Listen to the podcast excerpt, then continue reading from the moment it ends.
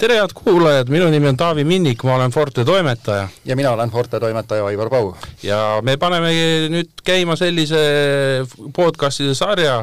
kus meil eh, nädalas korra siis hakkavad käima erinevad külalised ja rääkima huvitavatest asjadest ja esimeseks teemaks on meil arheoloogia. ja esimesteks saatekülalisteks arheoloogid Rivo Bernotas ja Erkki Russav. ja esitaksin kohe ka teile esimese küsimuse, et eh, kui palju meil üldse Eestis praegu on avatud auke nii-öelda, kui palju Eesti arheoloogid on hetkel lusikatega kuskilt midagi kaapimas ja välja kaevamas? no esiteks ähm, hetkel, äh, nii palju kui mina tean, on meil äh, töid, äh, meie ise toimetame ühes augus, tean, et kolleegid põhjalikumalt on siin Tallinnas veel vähemalt kahes kohas kaevamas ja loomulikult on selliseid äh, pisemaid töid üle Eesti, et kus siis parajasti midagi on välja tulnud, et seal äh, inimesed kohal on mm. -hmm. see on rohkem küsimus äh, Muinsuskaitseametile, kes jagab kaevamislube, et nemad teavad detailsemalt seda, et, mina kõrvaltvaatajana tean, et Läänemaal on praegu ühed kaevamised Rooma raua ja Kalmel aga kui palju on üldse nagu teadusasutustel endal mahti ja võimalusi, rahalisi võimalusi eelkõige, minna ja, ja kuskil midagi uurida? Ja kui palju kaevatakse meil seetõttu, et seadused seda nõuavad ja kohustavad? see on suhteliselt lihtsalt vastatav küsimus, nimelt kõik sõltub sellest, milline on Eesti arheoloogia teaduse rahastus ja Eesti arheoloogia teadusrahastus ei ole väga heas seisus, et meil ei ole suuri teadusprojekte, milles üheks äh, uurimisküsimuseks oleks ka välitööde tegemine. see tähendab seda, et kui aastas on äh, umbes kakssada viiskümmend kuni kolmsada välitööd, siis sellest kuus või alla kuue on ainult teadushuvidest lähtuv äh, arheoloogiline uuring. valdavalt on tegemist puhtalt muinsuskaitselisest piirangust lähtuva uuringuga. Erki ja Rivo, et selline küsimus, et et noh, muidugi raha ja kõik seavad piirid igasugustele toimingutele ja tegemistele, aga öelge seda, et mis oleks nagu niisuguse Eesti arheoloogi unistus, et kus tahaks nagu uuringuid teha, kui oleks nagu piiramatu rahaline ja inimressurss? Äh, minul isiklikult on noh, iga uus suur projekt on põnev, et niimoodi ühte konkreetset kohta on võib-olla raske välja tuua, aga pigem just, nagu me siin viimase paari kuu jooksul oleme Tallinnas toimetanud seal äh, Liivalaia, Süda ja Pärnu maantee vahelises kvartalis, et me oleme seda seal suhteliselt laialt avanud, kokku umbes erinevate aastate jooksul circa viis-kuus tuhat ruutmeetrit, ja on näha, et need äh, kihid, see asustus, mis seal on olnud kunagi, et see jätkub selle krundi piiridest väljaspoole ja nüüd tahaks seal kaevata, aga kuna sealt jookseb Pärnu maantee tramm, et siis äh, ilmselgelt see vist jah, hetkel väga reaalne ei ole. eks see sõltub kõik sellest, äh, mis on uurija huvid et, et Kiviaja uurel kindlasti on äh, huvi äh, Kiviaja asustusega tegeleda, Kesk- ja Uus-Aja arheoloogil on hoopis teistsugused huvid. mina, kes ma olen keskendunud samamoodi pigem Tallinnale, ähm, on üks koht samuti Pärnu maantee ümbruskond, teine oleks täiesti äh, vanalinna südames Raekoja platsis, kus on toimunud viiekümne kolmandal aastal kaevamised, mis on suhteliselt kehvalt dokumenteeritud, et huvitav on äh, teada, mis selle platsi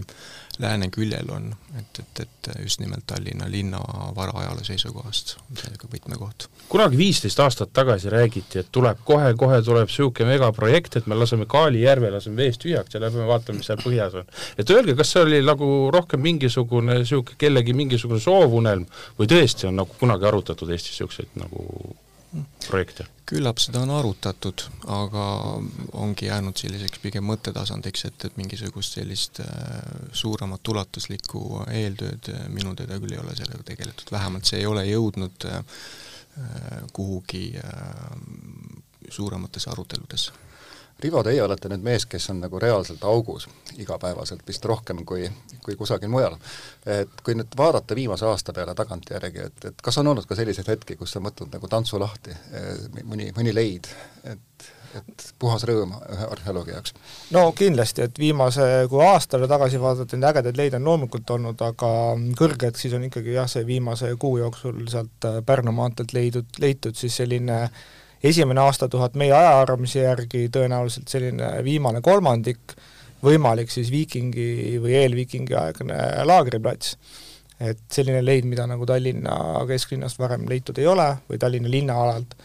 et lähimad sama aja vasted on siis Iru linnuselt. et see on kindlasti selline, selline leid, mis nagu noh, annab ütleme uue peatüki või kirjutab seda peatükki paremaks Tallinna ajaloo kohta, aga lihtsalt arheoloogiast Linnateatris sügisel me võtsime suhteliselt suurelt keldri lahti, et sealt tulid sellised toredad viisteist sajandi kõrvalhooned välja, kaevud, mingisugune võimalik äh, jäätmekast või, või laudahoone, selle, selle palgid, et selliseid ägedaid objekte on ikka tihti ja, ja viimasel talvel siis äh, Rataskaevu, Rataskaevu tänavalt, kus me siis äh, ühest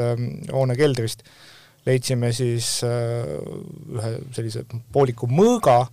ja mitmeid teisi selliseid nagu metallesemeid, mis võivad viidata sellele,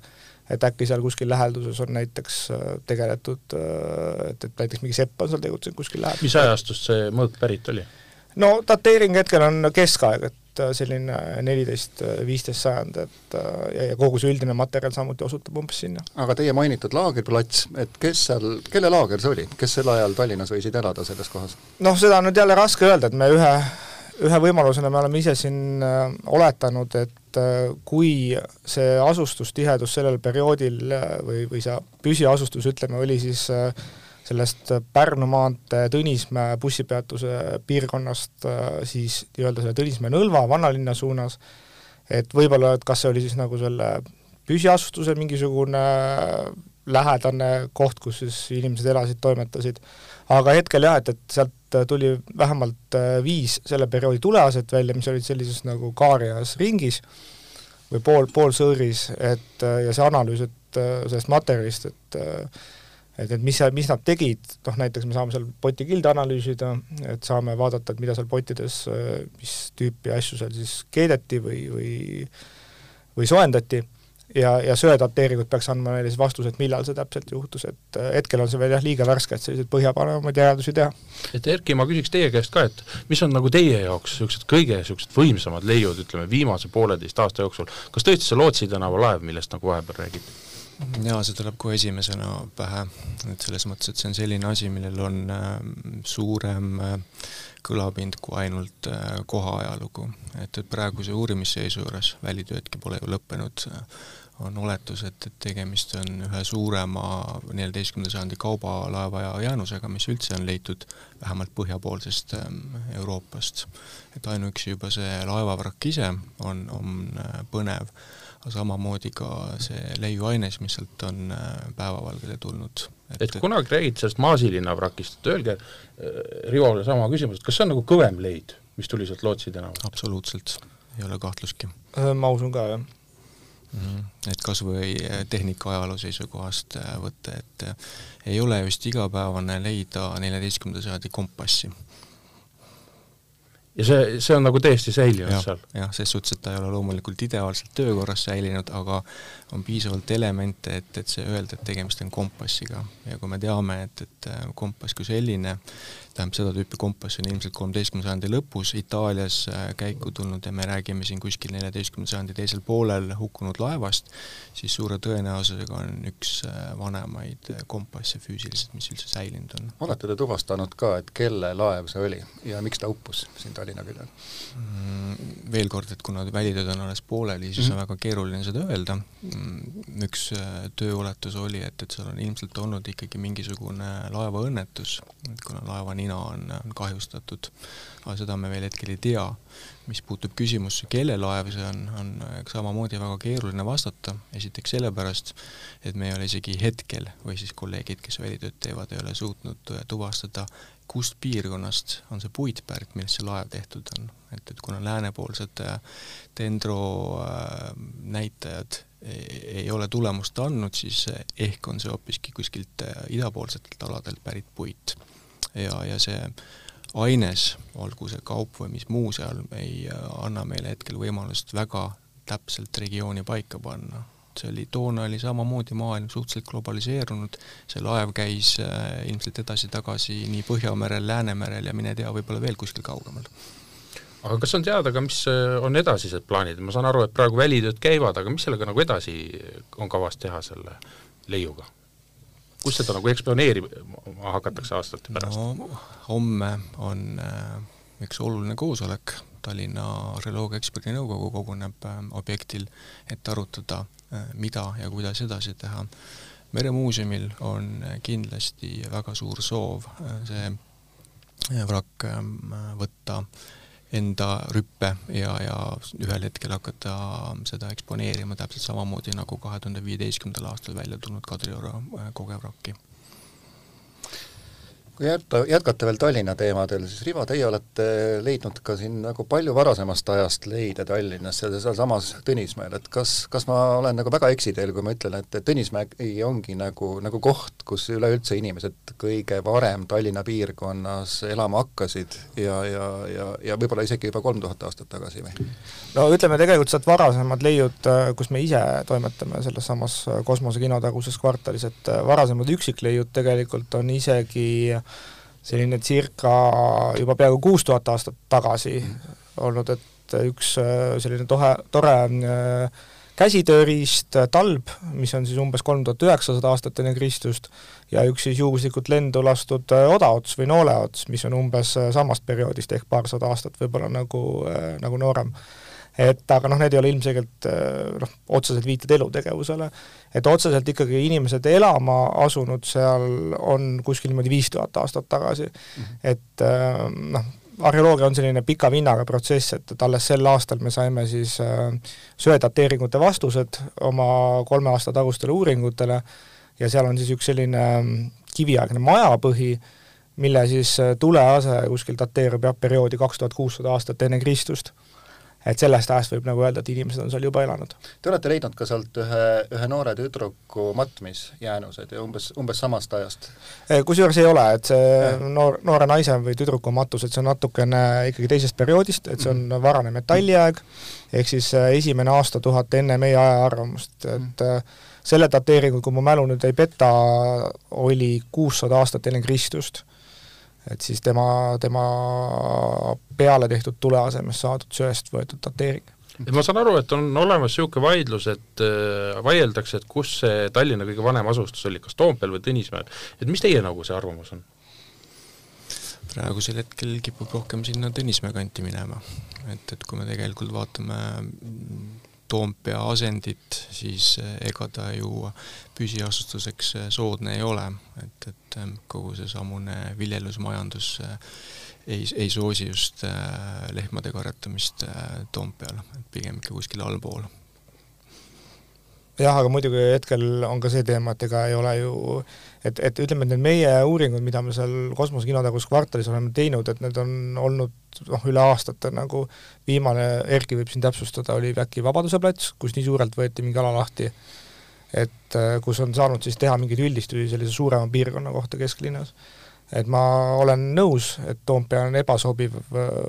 püsiasustuseks, aga jah, et, et teisalt on see ka olnud ju täis ehitatud ja seal ei ole saanud ka nii laialt üldsegi neid alasid lahti võtta. kõnelemata sellest, et, et Toompea kultuurkiht on äh, kohutavalt paks, et selleks, et üldse jõuda selleni, on vaja kohutavalt vaeva näha, et tänu erinevatele tulekahjudele on seal äh, parimal juhul kuus-seitse meetrit kultuurkiht. et seal Tõnismäel on ka olnud nagu Rootsi ajal, seitsmeteistkümnendal sajandil kõvad mullatööd, et eh, kui palju noh, hinnanguliselt me üldse saame nagu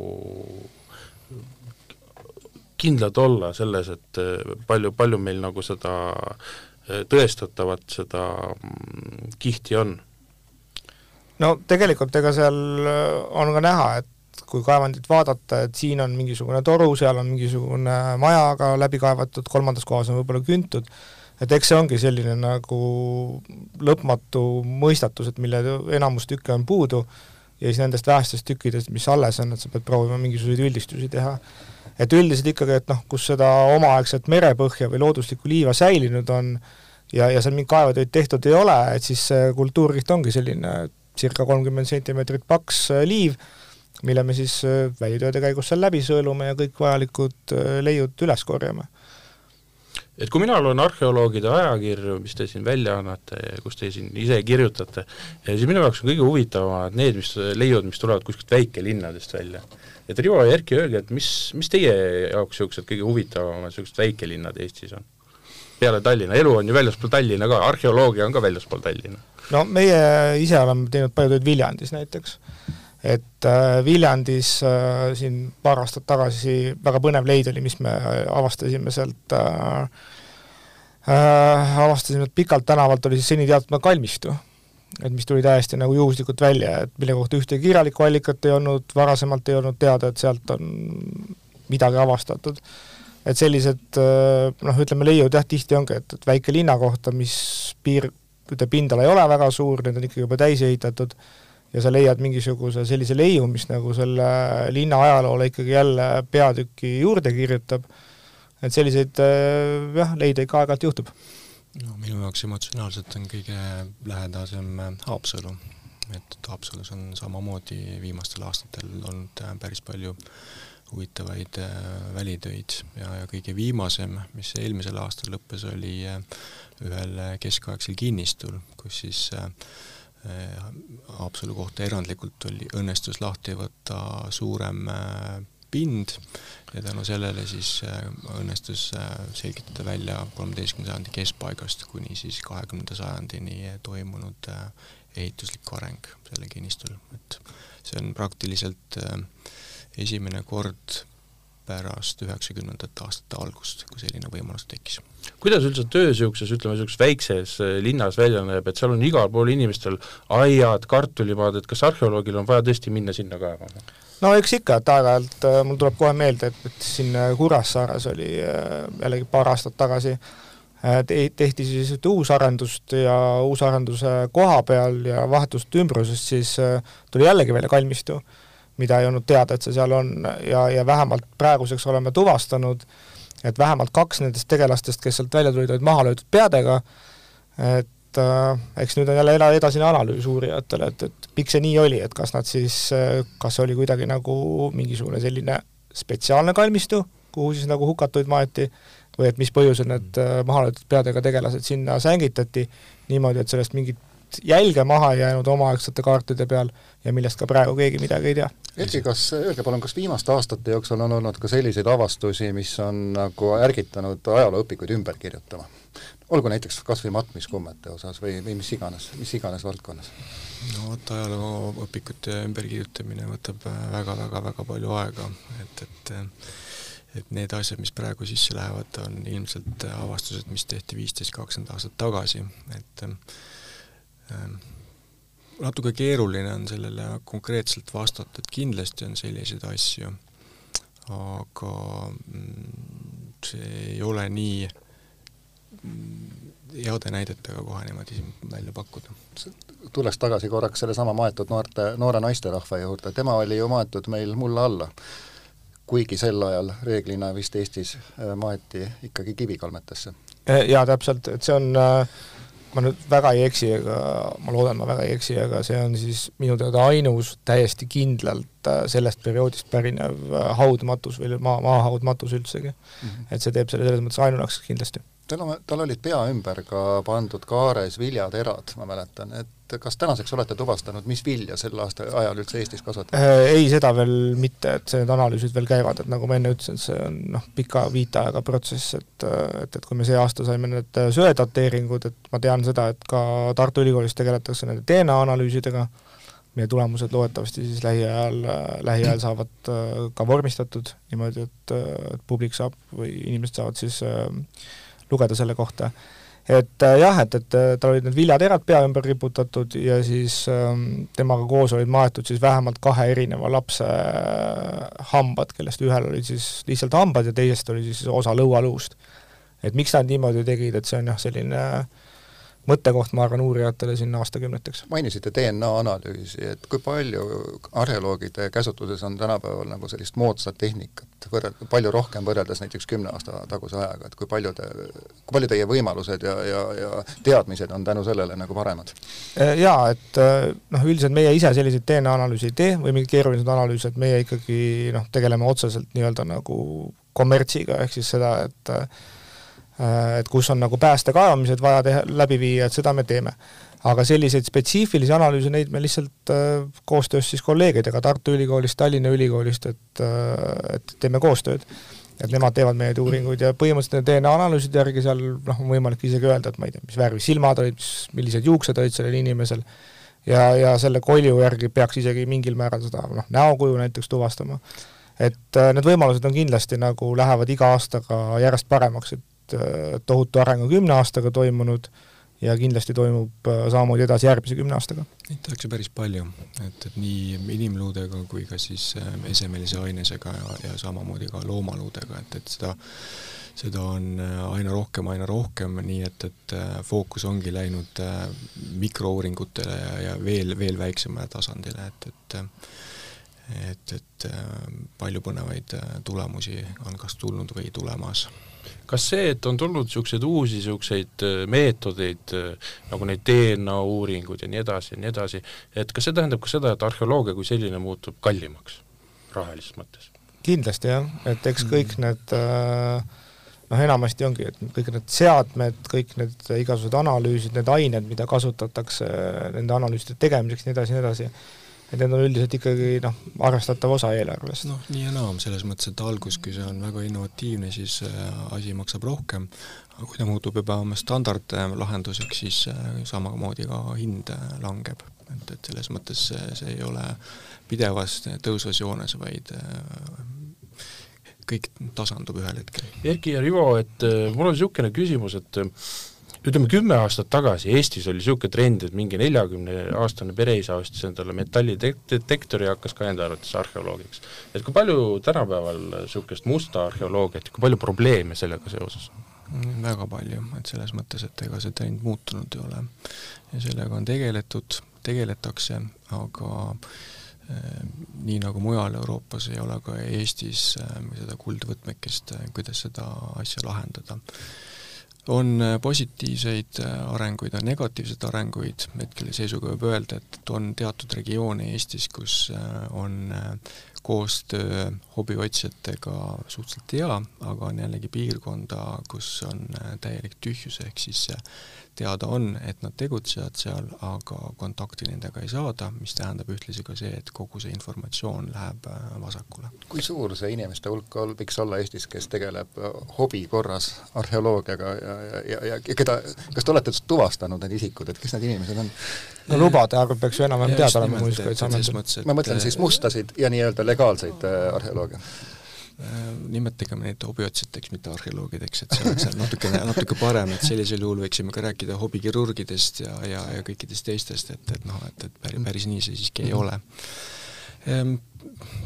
seaduse järgi, muinsuskaitseseaduse järgi peab äh, olema hobiotsijal äh, luba, ta peab käima ennem koolitused läbi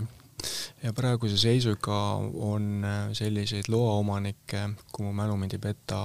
umbes tuhat või natukene alla tuhande kas nad kõik on aktiivsed, kas nad kõik käivad väljas, see on, on raske öelda.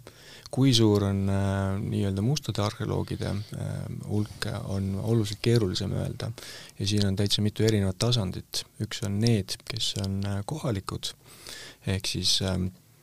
kes elavadki Eestis ja käivad niimoodi, aga lisaks sellele on äh, olemas ka külalishobiotsijad, meie samune sõbralikel äh, lõunanaabrite poolt ähm, käiakse Lõuna-Eestis äh, ringi ja, ja samamoodi ilmselt kuulu järgi Saaremaal on täiesti olemas neid, kes tulevad kusagilt mujalt otsima. kui targad nad on, kas nad teavad, kust ja mida otsida või nad käivad lihtsalt meta-, metallidetektor käes mööda põldu ringi ja, ja loodavad rahapada leida? eks see sõltub samusest inimesest seinast seina, et on neid, kes lähevad huupi välja, aga on neid, kes lähevad teadlikult otsima ja, ja teevad see eelnevalt eeltööd, et kõige lihtsam eeltöö on vaadata, kus on kaitsealused äh,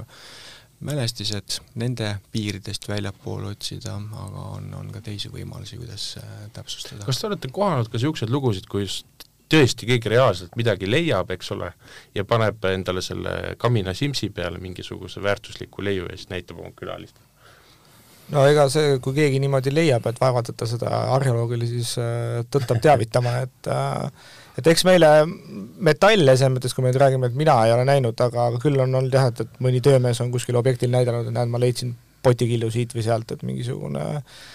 noh, ma ei tea, kas siis mingisuguse potisang näiteks, eks ole, et aga metallesemete kohta või et seda otseselt Simsile oleks pandud, et mina ei ole küll kuulnud. aga kas on tulnud kuskil välismaa oksjonikeskkondades näiteks välja või kuskil mustal turul mingi Eestist pärit äärmiselt äh, väärtuslik leid? ikka on tulnud, et, et on olnud siin mündiaardeid, mis on saadud äh, Saksamaa oksjonilt kätte ja on osta e-keskkonnast erinevaid asju ja et, et äh, selles mõttes jah, et tuleb kurbusega öelda, et, et selliseid juhtumeid on päris palju et meie aeg hakkab lõppema, et lõpetuseks ma küsiksin sellise küsimuse, et et millised on niisugused lähimad niisugused projektid, mis on juba nagu teada, et millel on rahastus, kus tõesti nagu läheb töö käima, et kas nagu suvel-sügisel on mingeid niisuguseid suuri niisuguseid projekte Eestis oodata ja Rivo, kus teie praegu näiteks? no meie nüüd jätkame eelmise sügise töid Linnateatris,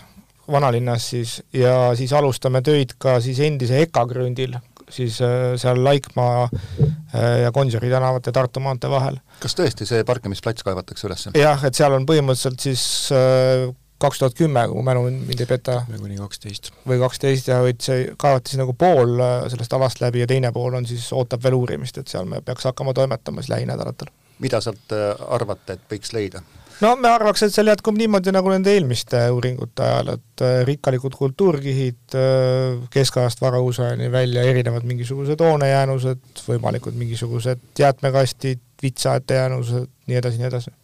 Erki, kas see praktika on säilinud, et suviti käiakse koos tudengitega kuskil kaevamas või? Mm, nii palju, kui tudengid tunnevad huvi, siis käivad